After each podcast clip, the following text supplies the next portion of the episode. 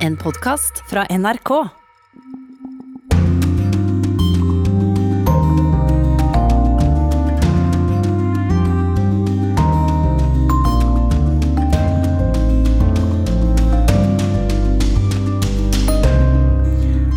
Velkommen til Urix på lørdag. Vi gir deg de siste informasjonene om det kraftige granatangrepet i Afghanistans hovedstad Kabul i dag. Temaet er også at australske soldater har begått alvorlige overgrep i Afghanistan. I sincerely and unreservedly apologise for any wrongdoing by Australian soldiers. 39 afghanere som var tatt til fange, ble skutt av australske spesialsoldater. 39 people.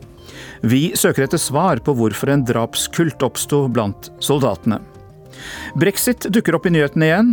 Hvilke hindringer gjenstår før EU og britene kanskje blir enige om samlivet etter årsskiftet? Det er i Asia det skjer. Verdens største frihandelsavtale har sett dagens lys. Uten USA, heller ikke India. På et tidspunkt hvor USA prøver å redusere handelen med Kina, så kan Kina isteden øke den med sine naboland. Er millionbyen forberedt på et gigantisk jordskjelv?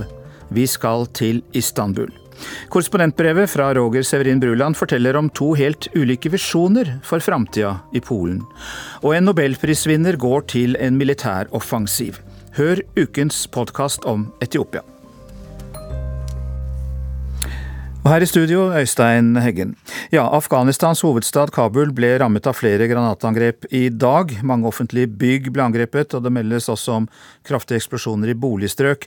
Minst åtte mennesker skal være drept, melder byråene. Utenriksmedarbeider Eirik Veum, du er med oss, og hva mer vet du? Altså, dette er et av de større angrepene vi har sett på ganske lenge. Minst 23 raketter er avfyrt mot ulike mål. Eh, bærer preg av å være et koordinert angrep. Som du sier, flere offentlige bygninger eh, er eh, rammet. Forsvarsdepartementet, presidentpalasset er truffet. Men også den iranske ambassaden skal ha vært et av målene. Og De som står bak det her, har da åpenbart hatt et ønske om å ramme afghanske myndighetsorganer. Og Den afghanske regjeringen er jo tydelig på at dette er en terrorhandling. Og De har jo også da hevdet at det er Taliban som står bak dette angrepet. Taliban nekter. Hvem kan det være hvis det ikke er dem? Ja, altså Nå sitter jo Taliban og den afghanske regjeringen i fredsforhandlinger. Derfor er det litt overraskende faktisk hvis det er Taliban som har gjort et såpass stort uh, angrep. De har jo lovet å holde seg i ro så lenge forhandlingene pågår, og det har de faktisk også gjort i stor grad. Og Løftet de har fått tilbake er jo da at utenlandske styrker skal trekke seg ut av Afghanistan. Og det ønsker jo Taliban. Uh, hvis de ikke er Taliban, så kan det være en utbryterfraksjon uh, eller en opprørsgruppe da, som som er eh, utenfor, eh, utenfor, Taliban. Det kan også være terrorgruppen eh, IS. De bygger seg opp i Afghanistan. Hvis det er noe sånt, så skaper nok det ganske stor bekymring hos Taliban, og ikke minst også afghanske myndigheter. For da er det jo en gruppe utenfor Talibans kontroll som er i stand til å gjøre et såpass stort angrep inne i Kabul. Og det er ikke bra. Og mens dette skjer, forbereder USA tilbaketrekking av 2000 soldater, altså fra 4500 til 2500 før midten av januar. Begrunnet slik av USAs fungerende forsvarsminister Chris Miller. We have mourned the loss of more than 6,900 American troops who gave their lives in Afghanistan and Iraq. And we will never forget vi sørger over at mer enn 6900 amerikanske soldater er drept i Afghanistan og Irak, sier altså Miller her. Eh, men eh, Eirik Veum, eh, på tross av alt, kan vi da si at Trump er en fredsstue? Han har ikke startet kriger i sin periode, nå tar han soldater hjem? Altså, Fredsstue er vel kanskje ikke en betegnelse som de fleste vil forbinde med Donald Trump. Det er jo ikke slik at han ikke har vurdert bruk av militære styrker som et alternativ i, konflikter USA har vært involvert i. Han har jo truet både Iran og Nord-Korea med krig, og han har også trappet opp USAs militære nærvær både i Sør-Kina-havet og i nordområdene. og Dermed bidra til en eskalering da, av spenningsnivået der. Men Donald Trump har holdt det løftet han ga før han ble valgt til president. Han ville trekke USA ut av kriger som han mener USA ikke er tjent å, å, å stå i. og han vil også ikke at amerikanerne skal ha stasjonerte soldater i land der det ikke er helt nødvendig. Det binder opp styrker, og det koster masse penger. Og eh, helt til slutt på dette punktet, hvilke følger kan det få, mener eh, Trumps kritikere? Hvis USA trekker seg ut av Afghanistan, så skaper det bekymring. Og det ser vi jo uh, nå i dag. At krigen den, den, pågår og kommer til å fortsette med slike angrep. Uten USA, uten amerikanske styrker, så må afghanske myndigheter og de utenlandske styrkene som fortsatt står i Afghanistan, uh, bl.a. norske spesialstyrker, måtte håndtere det her alene. Og det er nok av dem som mener at hvis USA og etter hvert Nato trekker seg ut, så vil den afghanske regjeringen etter hvert kollapse på et eller annet tidspunkt. Og hvem kommer inn da? Taliban de står jo klare. Men Afghanistan er jo nå et land der også mer ekstreme grupper bygger seg opp, som terrorgruppen IS. Og Det kan jo igjen føre til at lidelsene for det afghanske folket det bare kommer til å fortsette. og Det vil også bety at 20 år med vestlig krigføring i Afghanistan har vært eh, nesten bortkastet. Du blir med oss videre, for vi skal eh, fortsette med Australia og Afghanistan. For australske soldater har drept eh, sivile fanger. Det kommer fram av en granskningsrapport. Australias statsminister Scott Morrison sier i dag at det er urovekkende og opprørende. Og innbyggere i Afghanistan krever at eh, disse soldatene blir utlevert og straffet. Hovedstaden Kabul i Afghanistan, folk på gata er samstemte i kravet om at australske soldater bør stilles for retten der. De må straffes etter lovene her, sier Abdullah Mutahal. Innam Ullah er helt enig i at soldatene må utleveres. Det er ikke nok å beklage overgrepene, sier han. I Australias hovedstad Canberra ba forsvarssjefen det afghanske folk om unnskyldning denne uka. To the people of Afghanistan, on behalf of the Australian Defence Force, I sincerely and unreservedly apologise for any wrongdoing by Australian soldiers. I Kabul er mange opptatt av at familiene til de som ble uskyldig drept, får erstatning, sier Mohammed Isak.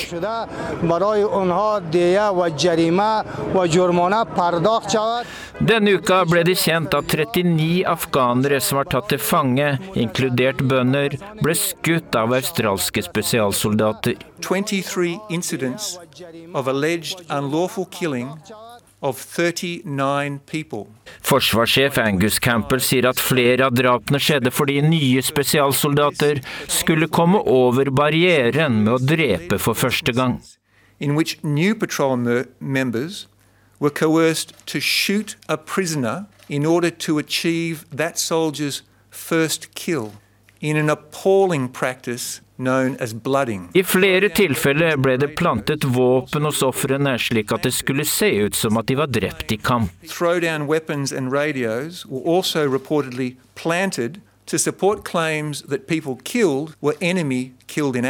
Granskingsrapporten som ble offentlig kjent denne uka, har sjokkert innbyggerne i Australia. Forsvarsminister Linda Reynolds sier hun ble syk av å lese rapporten. How do I feel? Uh, I got the report two weeks ago and it, it, it made me physically ill. And it was very, a very distressing read. Dag Bredvei var reporter her, og Eirik Veum, du er fortsatt med oss. og Du har jo fulgt utviklingen i Afghanistan, du har vært der som reporter. Dreping nærmest som skytetrening. Hvordan kan topp trente soldater i et demokratisk land gjøre noe slikt? Hvis vi ser på lignende hendelser som er etterforsket tidligere, så handler det jo veldig ofte om dårlig lederskap. Altså at offiserene som er med ut i felt, enten selv deltar i overgrep eller ikke slår ned på soldater som gjør noe de ikke har lov til. Eh, Mulai, Vietnam i mars 86 er et godt eksempel på det. Andre forklaringer er jo at soldatene ofte er dårlig forberedt på det å være i en krigssone over tid. De er preget av stress, frustrasjon Hevnmotiv kan også være en forklaring. Og som vi hører her, Det kan også være en form for lojalitet til resten av, av en avdeling. Altså et ønske om å høre til et fellesskap. Og Hvis man blir en del av en gruppe hvor sånt skjer, så blir man også med på dette. Og så er det også et bevis på hva krigens råskap gjør med de som deltar. Og hva som skjer når grenser eh, flyttes på. Altså, disse australske spesialsoldatene lot f.eks. hunder de hadde med seg, få gnage i stykker ansiktene på døde afghanere og etterpå slikke i seg blodet eh, av disse afghanerne som da var drept av, av soldatene. Og de mente det var helt greit. Så det er jo også et bevis på hva som skjer når grenser for det som er akseptabelt da, og normalt, blir skjøvet på. Groteske beskrivelser. Har dette vært vanlig, eller i hvert fall skjedd blant utenlandske styrker i Afghanistan? Nei, det er ikke mange slike tilfeller, eh, altså sånne eksempler som vi kjenner til. Det har blitt avdekket noen episoder med amerikanske, tyske og danske styrker i Afghanistan, men det er veldig få. Så det er ikke noe, er ikke noe mønster. Eh, det kan ikke sies å ha vært vanlig. Det går mer på atferd som, som, viser eh, kall det usunne holdninger. Husker f.eks. bildene av amerikanske soldater som urinerte på døde Taliban-krigere. Det viser en holdning da, som disse soldatene kunne tatt med seg i andre situasjoner. Men eh, det, det er ikke mange slike eksempler i Afghanistan. Ubehagelig spørsmål til slutt, Erik Veum. Kunne det ha skjedd med norske soldater? De siste dagene har jeg snakka med flere kontakter jeg har i Forsvaret, og også folk som følger eh, Forsvarets avdelinger tett. Og det som blir sagt, er at eh, dette sannsynligvis ikke kunne skjedd i det omfanget over så lang tid som vi hører med med denne australske avdelingen. Eh, norske soldater er generelt veldig høyt utdannet, godt trent. Også veldig streng utvelgelsesprosess blant dem som sendes ut i krig. Eh, de som mangler denne evnen til å sette seg inn i andres lidelse, de får ikke dra ut. Når det er sagt, da, så skal du være klar over at krig det gjør noe med et menneske. Det vet jo alle som har vært i en krigssone. Eh, hvis forholdet ligger til rette for det, hvis lederskapet er dårlig, hvis soldatene i en avdeling drar hverandre i, en, i gal retning sammen, så kan sånne episoder skje med soldater fra alle land. Vi må, vi, vi må, ikke være naive på det her. Det er jo nettopp da det får skje. Og når vi ikke snakker om det, og glemmer at det er mennesker som drar i krig, det er mennesker med følelser som opplever frykt og smerte og stress og sånn. Det er vanlige kvinner og menn som kan gjøre dette her. Det er jo, det er da det kan skje. Og, og, vi nordmenn er jo ikke annerledes enn en, en andre uh, fra andre land. Takk skal du ha, Eirik Veum.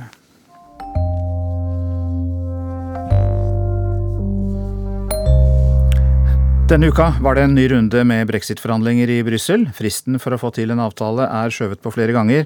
Men i går så var i hvert fall EU-kommisjonens president Ursula von der Leyen litt optimistisk. After difficult weeks with very, very uh, slow progress, now we've seen in the last days better progress, more movement, uh, but there's still um, there are quite some meters ja, korrespondent Øyvind eh, Nyborg i eh, London. Hvordan ser mulighetene ut for at man kan lande en handelsavtale mellom Storbritannia og EU på så kort tid? Ja, nå kommer det jo veldig få røyksignaler ut fra disse forhandlingene. De har jo også måttet eh, forhandle på Zoom denne uka her, fordi en i EU-delegasjonen eh, ble smittet av eh, covid. Det sies at avtalen er 95% klar og på mens, mens, det er de vanskeligste tingene som så, stå, så står igjen, så pågår det fortsatt forhandlinger. og Spørsmålet er vel egentlig om de klarer det innen fristen på mandag, eller om de må forhandle på overtid tid fram til nyttårsaften, som eh, er jo det er en teknisk eh, mulighet for at de skal gjøre. Vi har med oss en annen Øyvind, Øyvind Brattberg, førstelektor på Institutt for statsvitenskap ved Universitetet i Oslo. Du er i studio, velkommen. Takk for det. Eh, og disse vanskelighetene som Øyvind Nybakk nevnte, hvilke er de? Kan du, kan du peke på hva som virkelig er vanskeligst? Her er det jo noen, det er noen ganske konkrete stridspunkter som har blitt noe av et omkved etter hvert. Et slikt område er, er fiskeri. Et annet område er spørsmålet om, eh, om statsstøtte og, og, hvilke markedsvridende tiltak som eh, den britiske staten selv kan, eh, kan, stå for innenfor en handelsavtale. Og det tredje er rett og slett hvordan den framtidige avtalen skal håndheves. Hvem er det som skal til syvende og sist stå for, for jussen der det oppstår tvister? Det er innspurt og det er spennende tider, men så er det også litt spennende med at en av Boris Johnsons medarbeidere, en omstridt mann, nettopp har gått av. Vi skal høre hva som skjedde her eh, på gata da han var på vei til Downing Street. Ja, mange journalister spør. Ja, Men de får ikke noe svar. Altså, Som vanlig så svarer ikke Cummings på journalistens spørsmål, men han gikk altså av. Og mm, Øyvind Nyborg, hvordan tolkes hans avgang i Storbritannia? Det har vært en giftig maktkamp i nummer ti, og den viser jo at Boris Johnson ikke har helt uh, kontrollen. Og, at mange uh, er jo kritiske til den nå som uh, man står oppe i en nasjonal krise med både pandemien og en økonomi som er i, i fritt fall. Og så er det jo det at Cummings har stått for en aggressiv stil, nærmest en slags trumpisme i, i Storbritannia. det gjør at mange er lettet over at han nå er borte, og, og gir en mulighet for Boris Johnson til å starte litt på nytt overfor både media og opposisjonen. Øyvind Brattberg, hvordan tolker du dette at han går av? Det er som Øyvind Nyborg sier, et, et resultat av en, en, en, maktkamp. Utfallet av den er nokså um, tåkete enn så lenge. Nå er det et forsøk på å, å, dreie rundt på Boris Johnsons image, hans hjemlige image, i retning en, en nettopp mindre aggressiv og sint stil overfor motstandere og en mer hva skal man si, samlende eh, tilnærming, og også en, en, en grønnere tilnærming og en, en, vridning bort fra det som har vært et ganske skarpt og til dels eh, populistisk ordelag. Så spørs det da hvor mye handler i realiteten om, om innpakning og kommunikasjon, og hvor mye handler om substans. Ehm, på kort sikt så tror jeg nok at Boris Johnson har litt friere armslag overfor EU, idet han, han ikke lenger øh, er presset opp i det brexit-forsvarende hjørnet. Han står litt friere til selv å, å, forme den veien ut av EU som Storbritannia nå er, er, har lagt ut på. Apropos kommunikasjon, Boris Johnson han øh, er jo i isolasjon pga covid igjen. Eh, og eh, han stilte jo opp og snakket til folket da, over via internett eh, og sa at dette gjør han med lett hjerte, og viste en voldsom optimisme i det lille kuttet vi skal gjøre her fra hans isolasjonstilværelse. Full of optimism and confidence, because don't forget, uh, we not only have this technique for interrupting the, the transmission of COVID, but we also now have two gigantic boxing gloves with which to wallop our foe into. Ja, her skal de denge fienden ned med to store boksehansker, nemlig massiv testing og vaksine, intet mindre, sa Boris Johnson med hår i alle retninger fra sin isolasjon. Øyvind Nyborg, eh, han fikk en solid valgseier for et år siden, men hvordan er eh, standingen hans, for å si det sånn, i befolkningen nå? Ja, han gjør veldig mye her for å prøve å liksom unngå et litt sånn falmet uttrykk med litt dårlig lyd på en slags Zoom-linje fra Downing Street eh, mens han er der i isolasjon. Men altså, det som er vært eh, problemet helt siden pandemien oppsto, er at eh, Boris Johnson reagerte seint og egentlig aldri har klart å ta igjen det tapte. Vi har gått fra krise til krise i, i håndteringen av pandemien. Testsystemet f.eks. har aldri fungert. og det vi ser nå er at eh, nå som Keir Starmer har i hvert fall kvittet seg med Jeremy Corbyn for en liten stund, så er han veldig på offensiven. Og det gjenspeiler seg også litt i, i, meningsmålingene. Og Arbeiderpartiet de klager jo også over at uh, Boris Johnson ikke tar mer styring over uh, forhandlingene nå på egen hånd. Og Øyvind Brattberg, det er jo lenge til neste valg. Han har kanskje mulighet til å ta dette inn igjen, Boris Johnson. Men hva tror du, dette blir spekulasjon selvfølgelig, vi har lov til det, hva tror du han innerst inne ønsker seg? Ønsker han seg en avtale med EU, eller vil han ta dette spranget, dette komplette bruddet? Han ønsker en, en, avtale med EU, det er jeg hellig overbevist om. Men en avtale som gjør det mulig for ham å si at Storbritannia har, har brutt fri.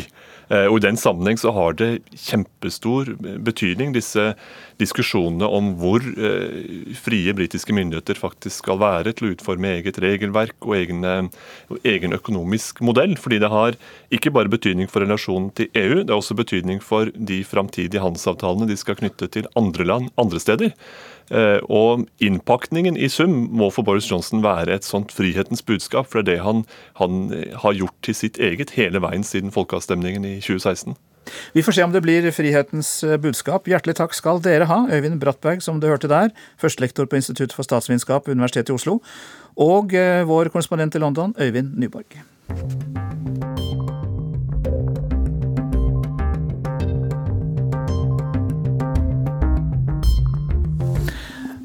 Nå om en handelsavtale, og ikke hvilken som helst handelsavtale. For Kinas president Xi Jinping oppfordrer til økt globalisme. Kina vil åpne dørene mer for verden. Og det skjer etter at Kina og 14 andre land i forrige uke skrev under på verdens største frihandelsavtale uten USA. Kina er fast bestemt på å åpne sin økonomi for verden. Det sa president Xi Jinping på torsdag.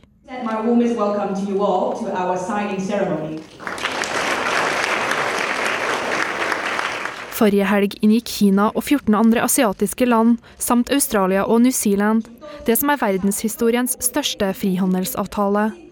Den har fått navnet Regional Comprehensive Economic Partnership, eller RCEP. Avtalen omfatter nesten en tredjedel av verdens befolkning, og regnes for å være en stor seier for Kina. På et tidspunkt hvor USA prøver å redusere handelen med Kina, så kan Kina isteden øke den med sine naboland. Det sier Stein Tønneson, Asiaforsker ved fredsforskningsinstituttet PRIO til NRK. Det økonomiske partnerskapet vil føre til mindre toll mellom landene. I tillegg vil det bli mye enklere å selge varer. Tidligere måtte man ha ulike dokumenter for hvert land, f.eks. når man skulle selge en pose med sukker. Nå trenger man bare ett dokument som gjelder i alle landene. Kina har en veldig stor produksjonskraft, og Kina har også klart å slippe eh, pandemien. Selv om pandemien opprinnelig kom fra Kina, så har Kina veldig få døde, faktisk færre døde enn Sverige. Og med en befolkning på 1,4 milliarder, så har de allerede betydelig økonomisk vekst. Så Kina har svært mye å tjene på å sikre markeder for sine produkter. Og de markedene som de får tilgang til gjennom denne avtalen, er viktige for dem. Likevel er det to store land som ikke er en del av avtalen, India og USA. India trakk seg ut av forhandlingene i fjor fordi de frykter at Kina skal flomme markedet med billige varer. USA er heller ikke en del av samarbeidet. Avtalen blir sett på som en direkte konkurrent til den transatlantiske avtalen TPP, som Barack Obama prøvde å få på plass for ti år siden. Noe av det første Donald Trump gjorde da han ble president, var å trekke USA ut av TPP-forhandlingene. Så da satset Kina i stedet på den konkurrerende avtalen. Nå venter mange spent på hva Joe Biden vil gjøre når han tar over som president. Should the United States consider joining that trade agreement? I've talked with a number of these world leaders, and I told them under the law I'm not able to begin to discuss with them. There's only one president at a time. But here's what I can say. We make up 25% of the world's trading capacity, of the economy of the world. We need to be aligned with the other democracies, another 25% or more. Vi har 25 av verdens handelskapasitet. Vi må være på linje med de andre demokratiene, sa Biden tidligere denne uken. So that we can set the rules of the road instead of having China and others dictate outcomes because they are the only game in town slik at det er vi som kan bestemme reglene, i stedet for at det er Kina og andre som får diktere det som skjer, sa Biden. Og mens vestlige land sliter med de økonomiske konsekvensene av koronaviruset, kan det styrke Kinas posisjon ytterligere, mener Tønneson. Innflytelsen til Kina har allerede økt veldig mye. Den økte sterkt som følge av finanskrisen i 2008, som jo rammet Vesten, men ikke øst så mye. Og eh, jeg tror at pandemien i år kommer til å bli en enda større, i en enda større endring i Kinas favør enn det finanskrisen gjorde.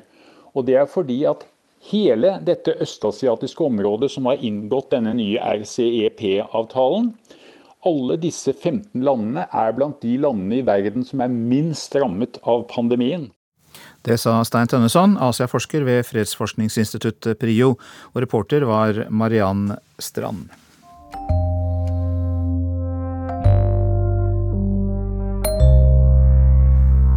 I Istanbul regner geologene med at et stort jordskjelv vil ramme byen en gang fra nå av og i løpet av de neste ti år. Etter skjelvet i Smir for tre uker siden øker frykten i den tyrkiske millionbyen. 150 000 mennesker kan omkomme, det sier en professor i geologi til vår reporter i Istanbul, Sissel Wold. En mann i arbeidstøy med gul hjelm og gul vest borer et stort hull i en betongvegg. Fra veggen trekker han ut en sylinder, for kvaliteten på betongen her skal undersøkes på et laboratorium. Vi er i første etasje inne i en boligblokk i et nabolag på Istanbuls Asia-side. Beboerne her har bedt om å få sjekket om blokken deres vil tåle et stort jordskjelv. Nå går inspektørene løs på veggene med både hammer, bor og drill. Og når armeringsjernet inni betongen kommer til syne, kommer bygningsingeniør Eyup Yilmazler for å undersøke saken. Nede i kjelleren ser vi armeringsjern som er i ferd med å ruste. Situasjonen her er veldig dårlig. Eroderingen er kommet langt, og du ser at jernet ruster. Dette er en trussel for bygningens sikkerhet, sier Yilmazler. Kan dette bygget tåle et jordskjelv, spør jeg. Om skjelvet er kraftigere enn seks på Richters skala, kan boligblokken bli skadet. For som vi ser, det er problemer her. For tre uker siden ble Ismir rammet av et jordskjelv. 20 bygg kollapset og 115 mennesker døde. Etter det har alle her i Istanbul begynt å snakke om det store skjelvet. For fra nå og en gang i løpet av de neste ti årene regner geologene med at et kraftig skjelv vil ramme Tyrkias største by med sine 16 millioner innbyggere. Istanbul er også Tyrkias økonomiske senter og en gjennomfartsåre for internasjonal handel og skipsfart. En rapport fra Istanbuls statistiske byrå har sett på hva som vil skje om et skjelv på 7,5 på Richters skala skulle ramme. 48 000 bygninger vil kollapse. En tredel av veiene kan bli ødelagt, slik at hjelpen ikke kommer frem. Og Istanbul bykommune mener at 14 000 mennesker vil omkomme.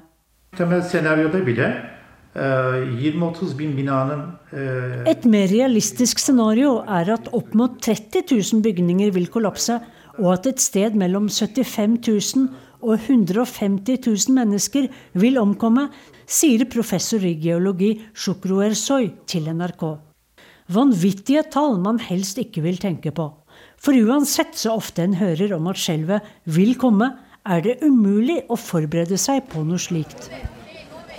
På vei fra boligblokken som undersøkes, stanser vi på et grønnsaksmarked for å spørre om folk bekymrer seg for jordskjelvet.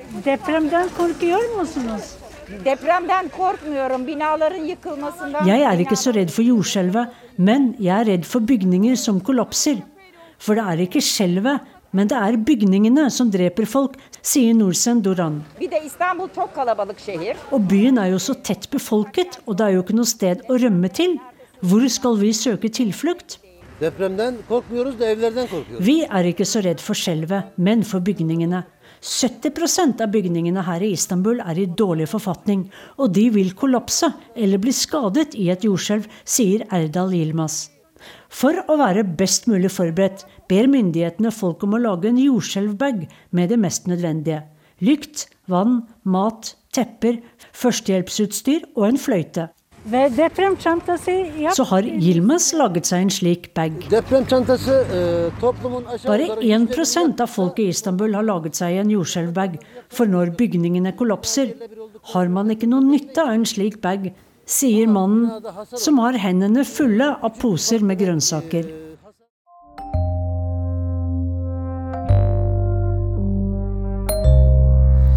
Nå til korrespondentbrevet og spørsmålet om hva som egentlig er drømmen om Europa. For når korrespondent Roger Severin Bruland rapporterer fra Warszawa, føler han at han løper sikksakk mellom to ulike visjoner for framtida. Det var helt feil å komme til Warszawa med bil. Et stort gjerde vakta av politimenn med køller sperrer veien. Hotellet der vi skal bo, ligger uheldigvis vegg i vegg med den polske kringkastinga, som er et naturlig mål for demonstrantene. Jeg ringer resepsjonen og ber dem hjelpe oss forbi politisperringene. Tre ungdommer kommer til unnsetning. Én parkerer bilen som står midt i veien, og de andre drar med seg bagasjen over gjerdet. Det er kamerautstyr, munnbind og vernedresser. Alt en trenger for å overleve både pandemi og revolusjon. På hotelltrappa blir vi stoppa av en middelaldrende politimann. Han skylder hotellstaben for å være demonstranter, og ber de reise hjem. Det nytter lite å vise til at de har et hotell å drive, de har bare å følge ordre fra politiet.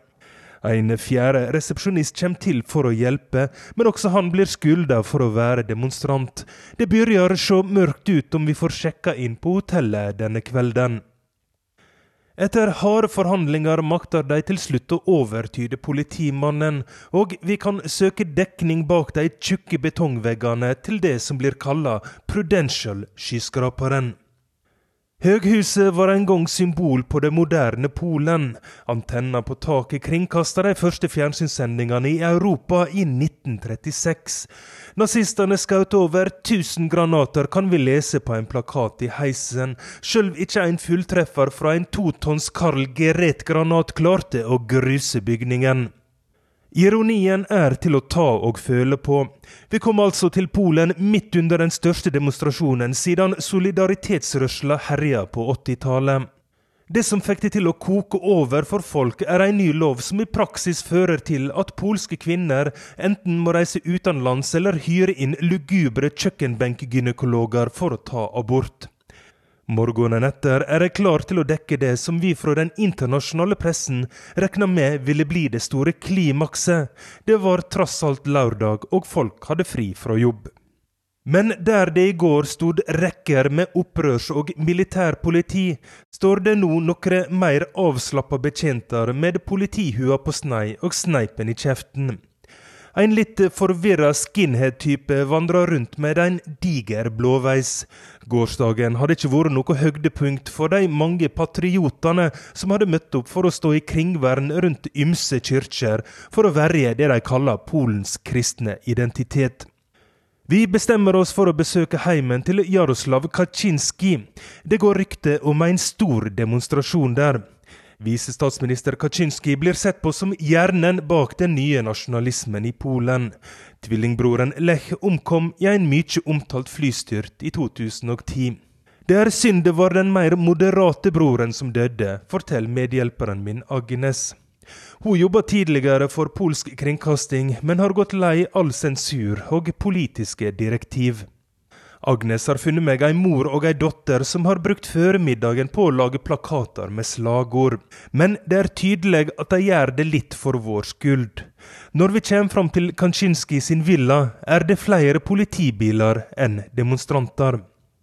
Agnes forteller at det er allehelgensdag denne helga. Ei frihelg som kanskje er like viktig som julaften i det katolske Polen. Mykje kunne tyde på at de som i går marsjerte i raseri mot kyrkja, i dag hadde tatt seg fri for å feire ei religiøs høgtid. Jeg har med meg den ungarske fotografen Andras, som blir ringt opp av en fortvilt kollega.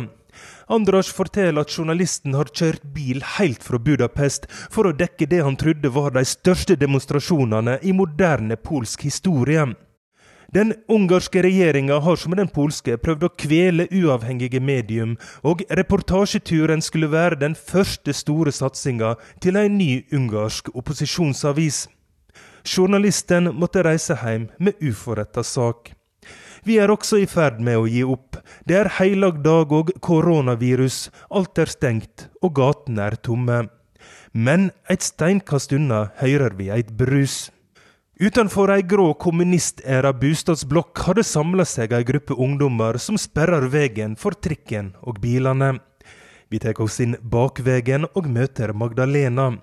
Hun forteller hun har lånt ut leiligheten si til noen unge skuespillere. Elleve andre naboer har gjort det samme, slik at fasaden til blokka har blitt forvandla til teaterscene i flere etasjer. Stykket de skal framføre, handler om hvordan det slaviske folk kommuniserte med døde slektninger og skrømt i førkristen tid.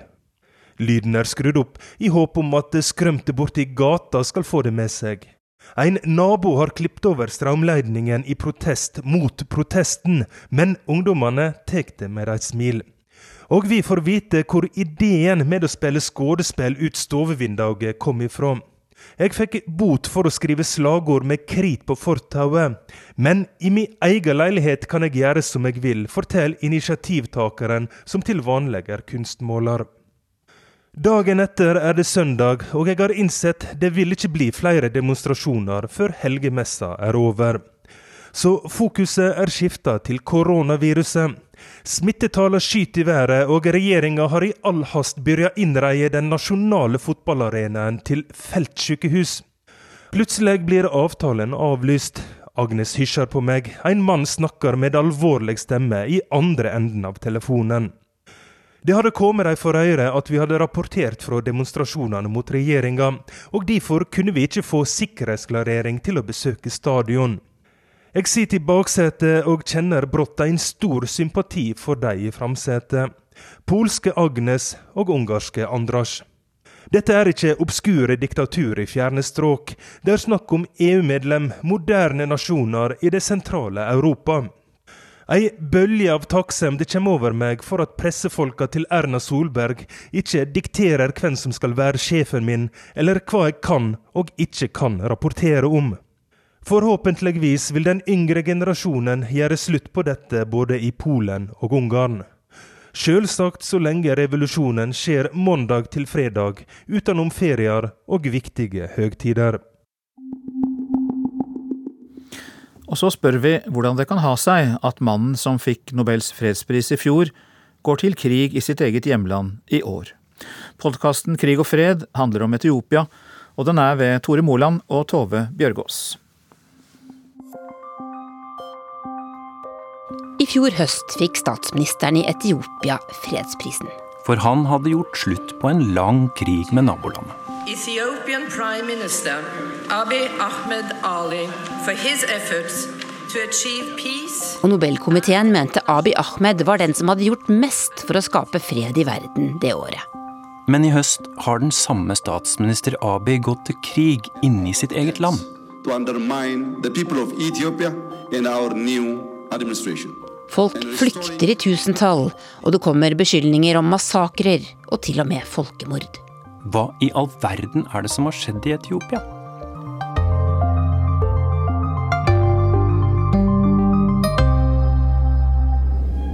Today, I stand here in front of you talking about peace because of faith. I crawled my way to peace through the dusty trains of war years ago. I was a young soldier. Eh, moren hans fortalte ham eh, da han var syv år, at han blir eh, en konge. Og så sa han at han tenkte på det siden den dagen. Jobbet for det. Det sa han. Navnet mitt er Teshome Hunduma. Jeg kom til Norge for 17 år siden og studerte naturressursforvaltning på Norges miljø- og biovitenskapelige universitet. Etter det jobbet jeg i norsk bistand i mange år, ca. åtte-ni år. Så kom tilbake til universitetet igjen for å skrive eh, doktorgradsoppgaven min. Teshome Hunduma, da Abiy Ahmed fikk Nobels fredspris i fjor, da var du veldig glad og stolt, men eh, nå er du bekymra. Hvorfor har du skifta syn på statsministeren i Etiopia? ja, det er et godt spørsmål. Det er jo da Når, når du ser eh, hans eh, retorikk Abiy sin retorikk er jo veldig spesiell. Eh, han snakker om kjærlighet. Han snakker om fred. Eh, han snakker om forsoning. Alt, alt, han snakker er jo veldig fint. Og så samtidig eh, han har endret sin politikk. Et, etter nesten et år er det alt han gjorde, var eh, det motsatte. Så det er det som gjorde meg til å si nei, eh, den er ikke riktig. Selv om han kommer fra den folkegruppe jeg selv tilhører til, eh, det er ingen grunn at jeg støtter ham. Det er viktig eh, å se hva han gjør for, for, for Etiopia, som, som, trenger en virkelig leder. Du føler deg litt lurt du av Abiy Ahmed, rett og slett? Han lurte hele verden. Han lurte Nobelkomiteen. Nobel, Nobel ikke bare meg, egentlig. Så Eh, det er mange som ble lurt. Teshome Hunduma, du tilhører oromo-folket, på samme måte som statsminister Abiy Ahmed gjør. Men hva er det han har gjort feil det siste året, slik du ser det? Vet du hva, det jeg tror Da han begynte, synes jeg at uh, det historiske såret begynte å legges. Eh, tillit som er ikke så som er ikke til stede i Etiopia, eh, begynte å vokse blant etiopiere. Eh, spesielt de første halvåret da, etter at han tok makta. Men den er nå på den verste. Etnisk konflikt, eh, drap, tortur, stenge igjen medier, sette folk i fengsel. Til og med nå borgerkrig. Nå, nå, nå går han på villspor. Jeg har aldri tenkt vi havner i den situ situasjonen vi har i dag. En borgerkrig. Det er jo den, sånne, den siste, eh, siste tingen som skjer for et land for å, for, for å kollapse.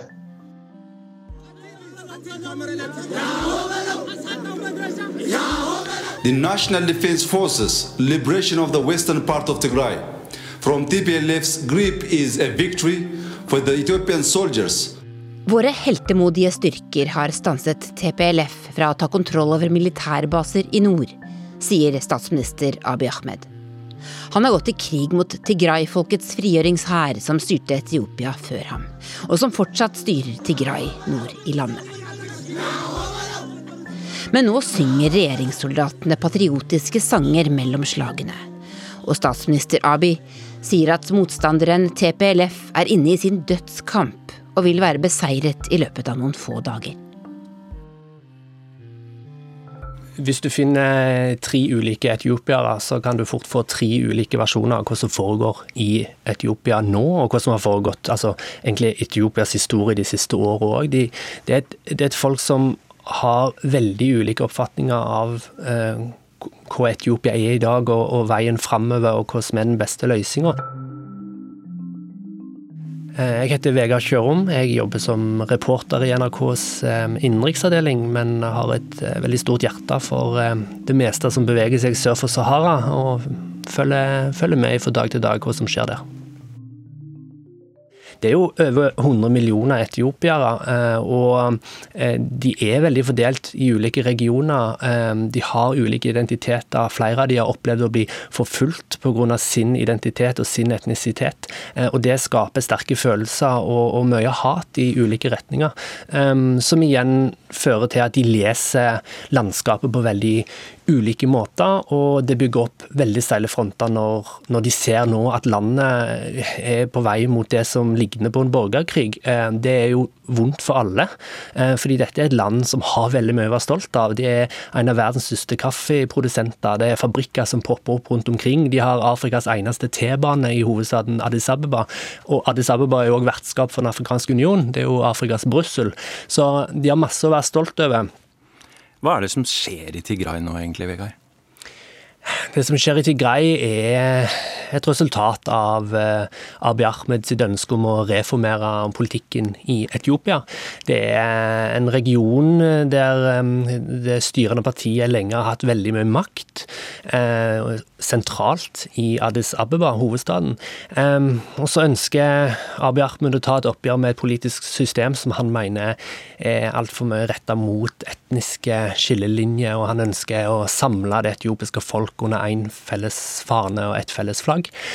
Og Det fører til at eh, de som styrer i Tigray, og som lenge har hatt mye makt i Etiopia, da får mindre makt. og Slikt skjer ikke uten bråk, og det har skjedd på veldig kort tid. Eh, og Kritikerne til Abiy Ahmed mener kanskje at det har gått litt for fort, og at han ikke har tatt inn over seg de, eh, vanskelige, det vanskelige terrenget som han må operere i som, som leder i Etiopia.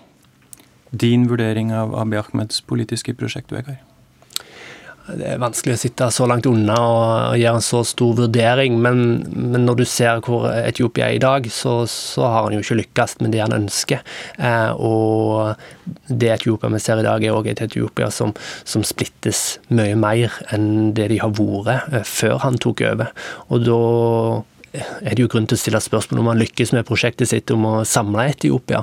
Så spørsmålet er hvor, hvor lenge han kan holde fast på det ønsket han har for landet om å, om å samle det under en felles fane, det, mm, det, ser mer og mer ut som et mislykka prosjekt. Men han eh, fikk fredsprisen for å danne fred med Eritrea, og den freden eksisterer jo fortsatt. Så det er mange som roper på at han burde bli fratatt fredsprisen, men eh, akkurat det han fikk prisen for, det er jo fortsatt en ja, relativt uh, suksessfull historie.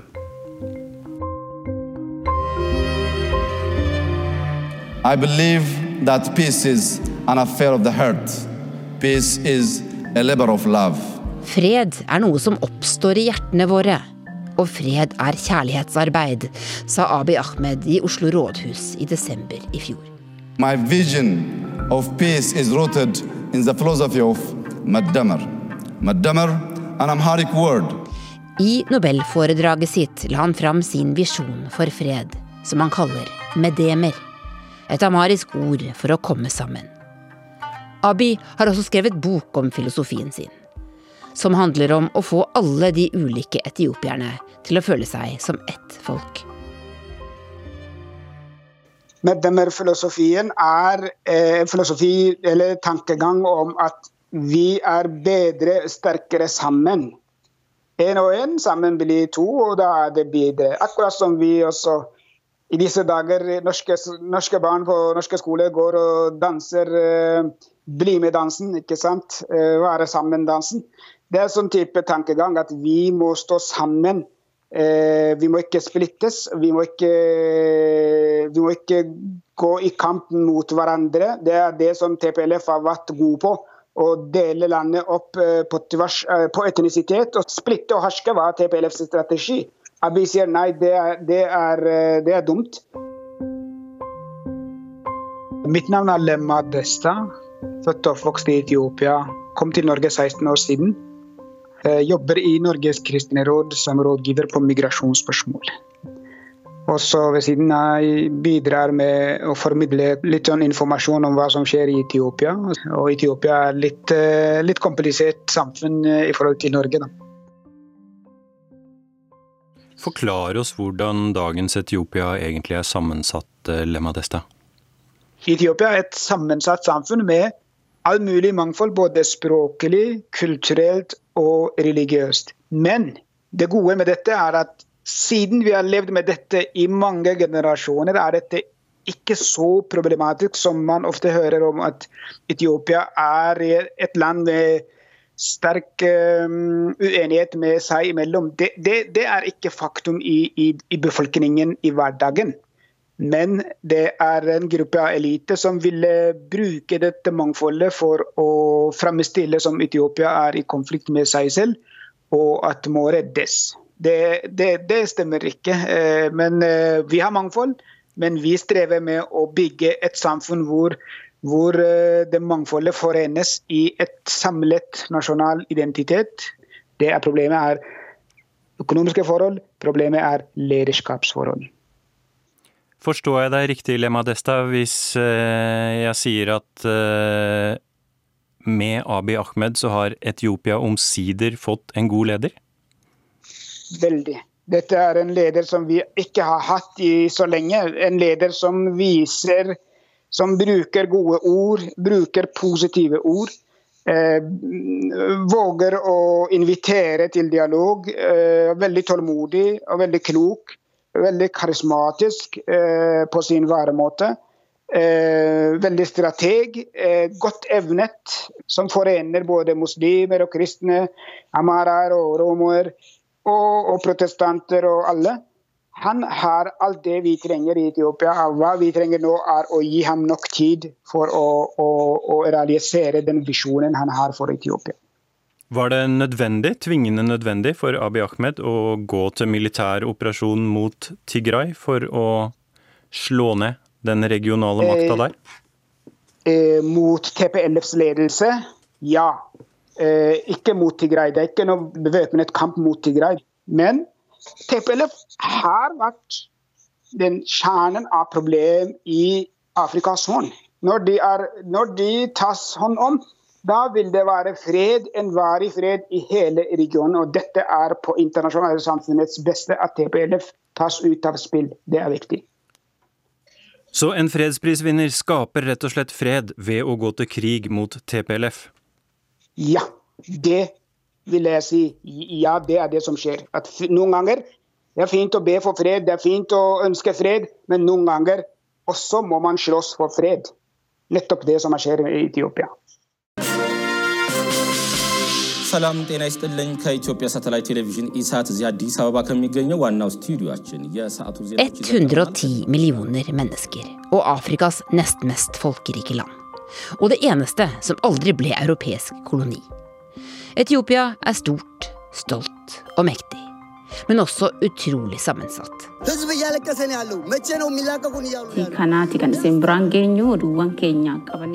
Med mer enn 90 ulike etniske grupper og nesten like mange språk.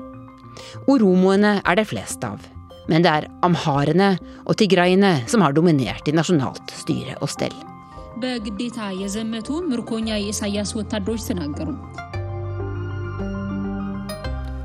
Vegard Kjørum, har det vært urealistisk av Abiy Ahmed å tro at han skulle kunne få alle disse folkegruppene til å enes om at heretter skulle de bare være ett etiopisk folk?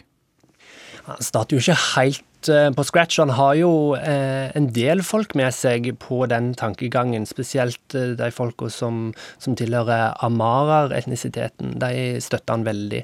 Men når du ser hvor situasjonen er nå, så kan en jo lure litt på om han har gått for fort fram og, og feilvurdert det politiske landskapet i, i Etiopia. Fordi de har vært veldig delt, og veldig mye av makta har ligget på regionalt nivå. Em, og det er jo ikke et land med velutbygde demokratiske institusjoner. Det var jo veldig lenge en enpartistat. Um, så eh, han har nok gjort eh, en del feilvurderinger. Det mm, tyder jo alt på nå som, som det er væpna konflikt i landet. Og dette som har skjedd de siste ukene, har nok gjort det enda vanskeligere for han å nå det målet som han ønsker seg. Så spørsmålet er jo, hvis det roer seg nå igjen i, i Tigray, hva, hva er det neste? Vil han fortsette å, å jobbe mot dette målet om, om, denne politiske reformen, når vi nå har sett hvor mye bråk det skaper? Er dette da på sett og vis en slags konflikt om hva slags land Etiopia skal være? Om det skal være en føderasjon med stor grad av sjølstyre i forskjellige regioner forskjellige folkegrupper, eller om det skal være en sterk sentralmakt? Ja, du kan på mange måter si at det er en, ja, en uenighet om hva skal Etiopia være nå og i framtida. Dette her med nasjonalstat er jo noe europeerne kommer til Afrika, som, som den hvite mann på mange måter har trukket ned over hodet til mange afrikanere. og Det er jo vår europeiske modell, som ikke nødvendigvis fungerer så veldig bra i så mange afrikanske land. Nettopp fordi de består ofte av mange ulike folk, og, og det er ikke dratt opp grenser som, som nødvendigvis de folka som bor der, respekterer. Og det er jo spesielt eh, ei folkegruppe, romerfolket, som har følt seg undertrykka i, i, mange år. Eh, og det er den største folkegruppa i landet, som, som allikevel ikke har følt at de har blitt hørt av sentralmyndighetene. Så helt knirkefritt har det ikke vært, selv om Etiopia fant sin måte å styre landet på, eh, på tross av disse etniske eh, skillene.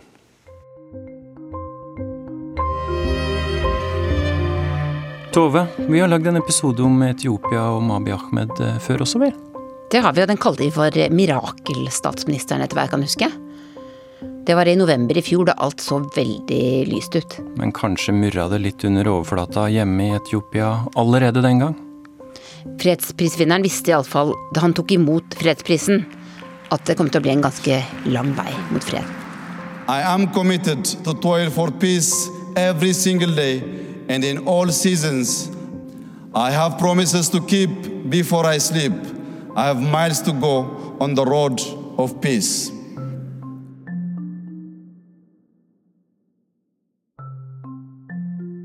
Hvor går veien nå til Tjome Hunduma? ja, jeg tror han eh, Kanskje han skjønte det, men eh, kanskje han jobbet lite eller eh, gjorde feil eh, for å eh, for å korte den veien eh, til fred. Nå er vi i borgerkrig. Nå slår vi mot hverandre, ikke sant? Den krigen da er veldig farlig for meg. Det er mellom brødre. Den kommer til å rive samholdet mellom etiopiere. Egentlig den, den, den er katastrofalt. Eh, det, det, den, den, kommer til eh, å ødelegge landet. Lemma Desta, hvor tror du veien går videre for Etiopia? Jeg eh, har troa på at eh, om noen få dager eh, den militære operasjonen avsluttes med enten TPLFs ledelse gir seg og stilles til retten. Og kanskje, vet jeg ikke, men det ender med litt blodig avslutning, som håper at det ikke går den veien. Uansett hvordan utfallet blir, jeg har troa på at situasjonen i Etiopia forbedrer seg etter dette. Det å svikte Etiopia, det å svikte Abiy, er det verste vi kan gjøre. Eh, verdenssamfunn må støtte Abiy, må støtte Etiopia, slik at den, den reformen fortsetter fremover og ikke eh, reverseres. For Etiopia er det vi lykkes med dette, og det gjør vi, og vi står fast på det.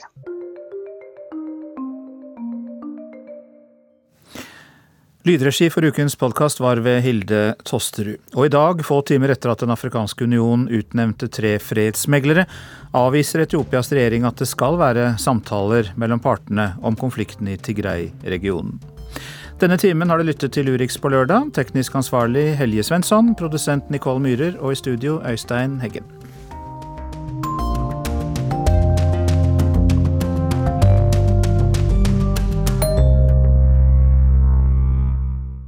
Du har hørt en podkast fra NRK. Hør flere podkaster og din NRK-kanal i appen NRK Radio.